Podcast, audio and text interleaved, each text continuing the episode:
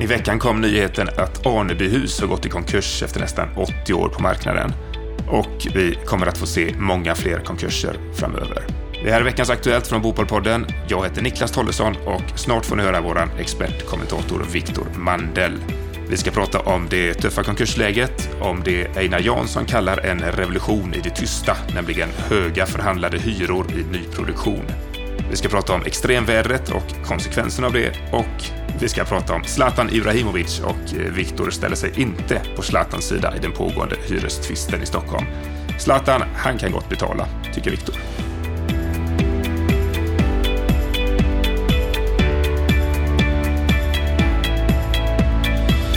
Det är tuffa tider för eh, många inom bostadssektorn och eh, vi ska börja med en tråkig nyhet som kom här i veckan om Anebyhus som försattes i konkurs.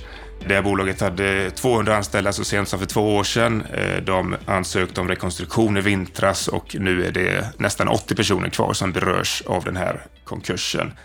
Ägaren Johan Enoksson, han säger i en kommentar så här att eh, jag har ägt företaget ända sedan 2006, varit igenom flera konjunkturcykler men ingen av de tidigare nedgångarna har varit ens i närheten så stora som den här. Marknaden för nyproducerade villor och flerbostadshus är för tillfället i princip död. Ja, Viktor, vad, vad säger du om den där konkursen och småhustillverkarnas läge? Nej, men det är sorgligt när den här typen av verksamhet går i konkurs och det är ju mångt och mycket en, kon en konsekvens av marknadsläget. Det är ju inte bara Anebyhus som har problem nu eller haft de senaste åren utan det rör ju hela branschen. Och generellt sett så har ju den här typen av, av hustillverkare haft en ganska låg lönsamhet även i goda tider och att då stå med en stor personalstyrka och eh, stora investeringar i fabriken där efterfrågan går från mycket hög till så gott som obefintlig på väldigt kort tid. Det är klart att det är jättesvårt. Samtidigt så, så är det ju sorgligt för det här är ju en bostadsform som många vill bo i och där det redan i, i goda tider byggs alldeles för lite. Och det här kommer ju inte leda till eller de utmaningarna som finns i, i den här branschen nu leder ju inte till att det blir fler småhus byggda eh, i framtiden utan snarare färre. Så att, eh, ja, det är sorgligt. Precis, det är sorgligt. Det är ett anrikt gammalt företag det här. Det grundades redan 1945 och nu får vi se vad som händer framöver här. Eh, konkursförvaltaren Erik M Gabrielsson, han är ute nu och letar efter en köpare till inkråmet och eh, han är positiv. Han säger till P4 att han har pratat med fyra intressenter och de har ännu inte annonserat ut det eh, stort så att säga. Och han menar på att det är ju inte så att vi i alla tider inte kommer att bygga fler villor i Sverige och jag är positiv till att vi kommer att hitta en köpare, säger han. Vad tror du om eh, möjligheten att hitta en köpare till Anebyhus? Jo, men det ska nog kunna gå, skulle jag tro. Samtidigt så kommer det ju ta tid att komma tillbaka till den storlek på produktion som man har haft eh, tidigare. Även om, man, även om man kan hitta en, en köpare till själva fabriken så tror jag att den skalan som verksamheten har haft kommer det ta lång tid att komma tillbaka till. Sen kan vi titta på, på de lite mer specialiserade eh, fabriker som har funnits, som har byggt eh, trämoduler och sånt för, för flerbostadshus. Där har det ju inte varit helt givet att hitta, hitta nya ägare. Så att, eh, det, det är nog lite lättare tror jag för, för, för den här typen av verksamhet. Ja, vi får se vad som händer. Vi ska fortsätta på det här med konkursspåret. Dun Bradstreet som är före detta Bisnode, eh, de tror att 1400 byggbolag kommer att gå i konkurs det närmaste året. Henrik Hargeus som är affärsanalytiker på Dun Bradstreet, han säger till Dagens Industri Hittills har det framförallt varit lite mindre byggföretag som har gått i konkurs. Nu börjar vi också se större bolag, vilket är oroväckande. Och ökningstakten ser även den ut att tillta. Viktor, du är ju på beställarsidan som eh, vd för Svea Fastigheter. Hur märker ni av det här? Man kan tänka sig att byggbolagens anbud blir lägre, att det är fler som är intresserade av att lägga anbud. Hur ser det ut?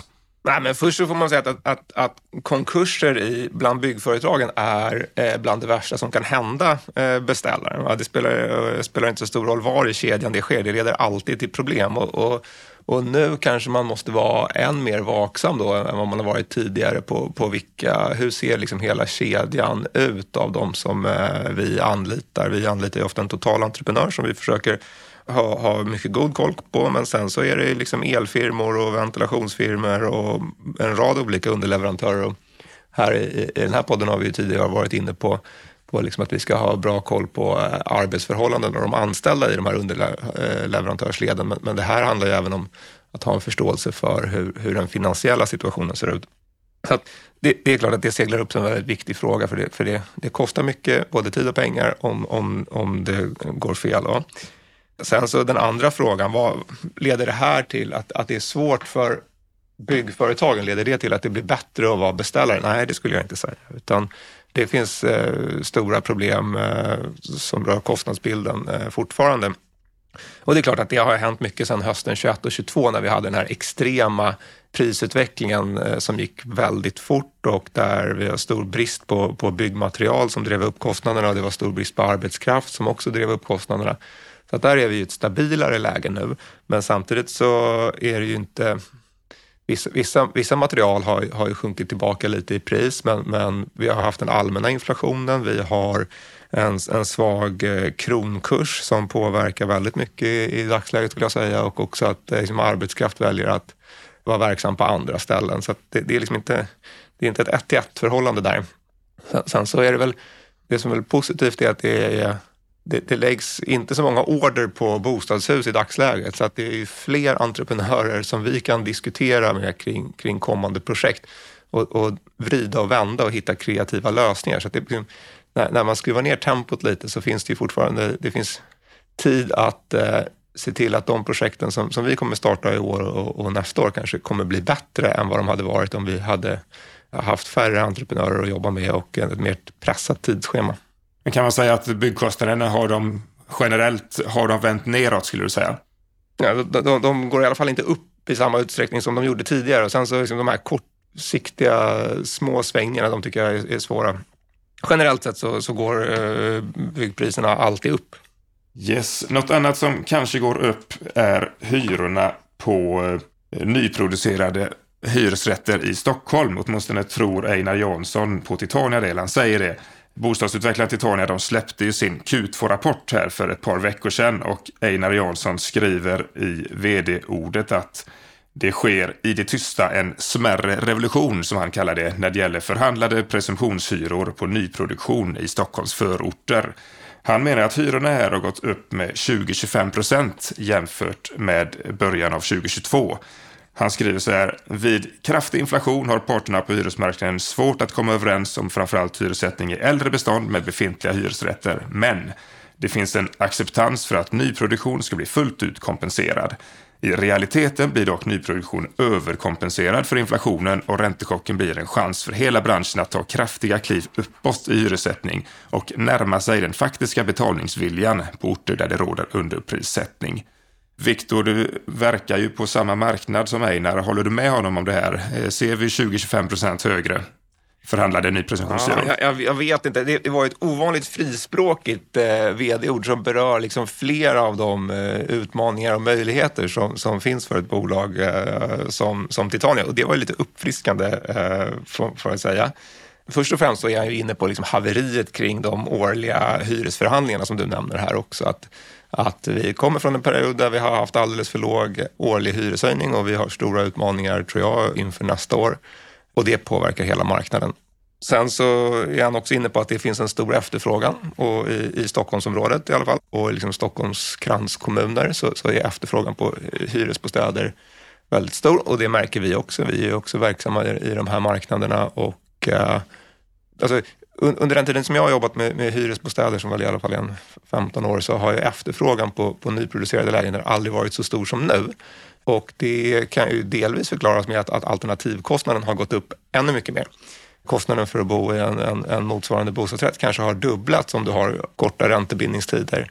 Eh, och samtidigt så är det fler och fler som inser att, eh, att äga sitt boende är kanske inte alltid en kort eh, och snabb väg till liksom rikedom och lycka, utan det finns en, en, en risk eh, i det också.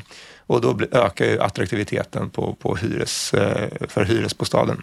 Sen är frågan om en höjning eller en uppgång då på 20-25 procent sen början av 22 är anmärkningsvärt hög. Och det kanske jag inte tycker. De, de hyror som jag tror att han refererar till, de är ju alla tecknade i 2024 års hyresnivå och vi vet inte om det finns åtaganden om att inte höja hyran 2025 i de där eh, förhandlingarna heller. Och, och, mot den bakgrunden så är det väl en rimlig hyresutveckling. Det är den hyresutvecklingen som vi hade behövt se på, på vanliga bostäder också för att liksom kompensera för de ökade kostnaderna. Så du tycker alltså att eh, 20-25 procent siffrorna stämmer, men du tycker inte att de är exceptionella? Nej, det hade varit alarmerande om det hade varit någonting annat kan man, kan man säga. Sen så, sen så är det ju så att, att, att hyran i nyproducerade lägenheter, alltså förstagångshyran, så att säga, det, det, det man kommer överens om när huset är färdigt och, och de första fly, hyresgästerna flyttar in, den har ju under lång tid stigit mycket mer än, äh, än den allmänna hyresnivån. Alltså inte, inte hyresutvecklingen i nyproduktion följer ju den, den allmänna hyresutvecklingen på ett ungefär. Men, men just det här, eh, för, för, ett helt nytt hus så, så har hyran eh, ökat snabbt. Och det hänger ihop med att byggkostnaderna har ju ökat fortare än, än den allmänna prisutvecklingen. Men också att det är liksom ingen som inte vet vad den gör när den eh, flyttar in i ett, eh, en, en, en ny bostad utan eh, där är ju hyresvärd och hyresgäst liksom överens om att, eh, vad, vad, hyran är från början så att det är ingen som får en liksom, oväntad hyreshöjning som man skulle kunna säga att, att den årliga förhandlingen kan ju liksom, både hyresvärd och hyresgästperspektiv eh, vara, vara något oväntat. Man vet inte hur stor den kommer vara. Så det gör det ju lättare att liksom öka den lite, lite mer. Och sen så är det också lite dynamiken i, i, i själva hyresförhandlingen. Och frågan är liksom, har Hyresgästföreningen blivit lättare att ha att göra med här, att de släpper igenom högre hyresnivå? Jag skulle inte säga att, att så är fallet. Däremot är dynamiken lite annorlunda i, i de här presumtionshyresförhandlingarna. För att innan man har tecknat en förhandlingsöverenskommelse så finns ju alternativen att sätta hyran på något annat sätt inom, inom de hyressystem vi har. Och, och det gör ju att, att liksom från båda parter finns en lite, lite större vilja att komma överens än i andra fall. Men, men sen för vår del så har ju vi under våren här. Jag tror att vi har tecknat tre stycken överenskommelser, tre eller fyra överenskommelser med, med presumtionshyra för nya hus och vi har för första gången i, i två fall då inte kommit överens med Hyresgästföreningen och, och fått göra egensatta hyror. Så att jag skulle säga att de, jag tycker de förhandlingarna är precis lika stenhårda som de, som de brukar vara, men, men, men de ger en viss kompensation i alla fall. Okej. Bra, vi ska gå vidare och prata om eh, klimatförändringarna och extremväder. Vi hade en storm här veckan som ställde till stor förödelse och eh, nu i veckan kom en nyhet från Sydsvenskan om att flera stora projekt i Malmö kan komma att stoppas. Eh, Malmö stad har en policy som säger att man bara tillåter nyproduktion om man bygger minst 3,2 meter över den nuvarande havsnivån. Men nu säger Länsstyrelsen att de här 3,2 meterna de räcker inte. Det ska vara högre och därmed hotas flera stora byggprojekt. Eh, Josefin Nellerup, hon är stadsbyggnadsstrateg på Malmö stad. Hon efterlyser i Sydsvenskan ett nationellt regelverk för detta. Hon säger idag skiljer det sig mellan kommun och kommun och mellan länsstyrelse och länsstyrelse. Regeringen behöver tydliggöra vad som ska gälla. Hur ser du på den här situationen, Viktor? Ja, den här frågan har ju seglat upp eh, de sista åren som, som ganska stor och, och både liksom, eh, frågan om havsnivå men också eh, liksom skyfall, var tar vattnet vägen någonstans är ju någonting som är i högsta grad aktuellt i all ny planering. Och sen så ser situationen väldigt olika ut på olika ställen så att jag kanske är tveksam till att det ska vara så mycket mer nationella regler kring det här utan om man ser på Malmö som ju har en ganska låg kustlinje och är utsatt för höststormar där du kan ha både hög havsnivå men också att det, det trycker på särskilt när, när, när, vinden ligger emot så kan du få väldigt snabbt stigande eh, vattennivåer. Så ser det ju inte riktigt ut på, på ostkusten och Stockholmsområdet. Det är ju liksom inte exponerat på det sättet. Så att, att ha samma regler eller på, på, olika ställen tror jag inte ger någonting. Sen kan jag ju tycka att det rent, eh, rent principiellt så är det här en fastighetsägarrisk i väldigt hög utsträckning. Väljer man att bygga sitt hus eller äga sitt hus eh, i ett utsatt eh, läge så medför det nyttor då kanske i form av eh, trevlig utsikt men det medför också kostnader i att, att du kan få skador om det blir utsatt för, för översvämning.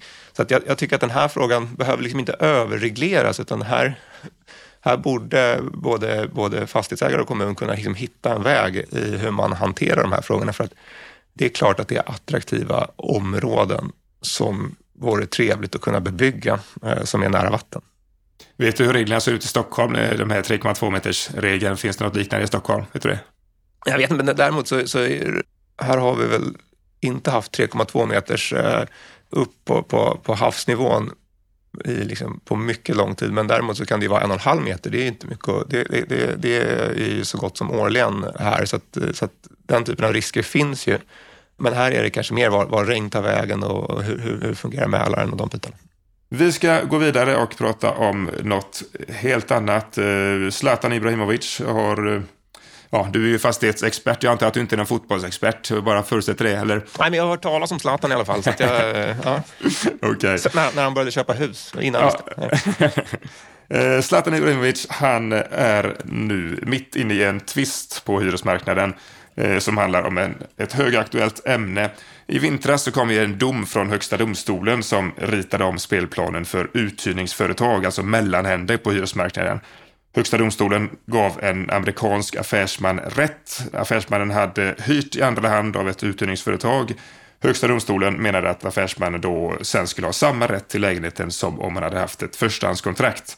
Domstolen menade att det här rörde sig om ett bulvanupplägg och hyresgästen fick tillbaka väldigt stora summor när det här tog slut. Eh, nu i veckan så skrev Hem och Hyra att eh, Zlatan Ibrahimovic, han eh, är inblandad i ett liknande fall. Han köpte för två år sedan en, en hyresfastighet på Östermalm och en hyresgäst där hyrde en lägenhet via en mellanhand, betalade 12 000 kronor i månaden för en etta och tidigare i år så sades hyresgästen upp.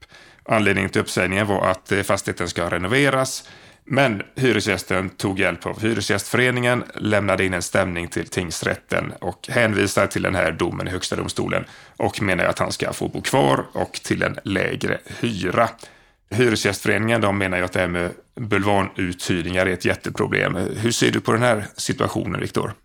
Ja, men jag tycker att det är ett ganska stort problem, eller i alla fall ett, ett problem och liksom ett oskick på, på eh, hyresmarknaden att det här förekommer. Så att jag tycker att de här domarna var, för, ur mitt perspektiv, välkomna som tydliggör att, att man, man, får, man ser igenom, man kan inte använda mellanhänder bara för att eh, runda den hyresreglering vi har och, och, och det tycker jag var jag är ingen vän av hyresregleringen, men jag tycker att det, jag är vän av att det, man följer de regler som, som finns och, och, och, då tycker jag att det här är, är, rimligt och då får du ju precis den här typen av konsekvenser att du kan inte säga upp eh, andrahandshyresgäster som har använt eh, liksom, någon typ av förmedling eh, för att runda de befintliga reglerna.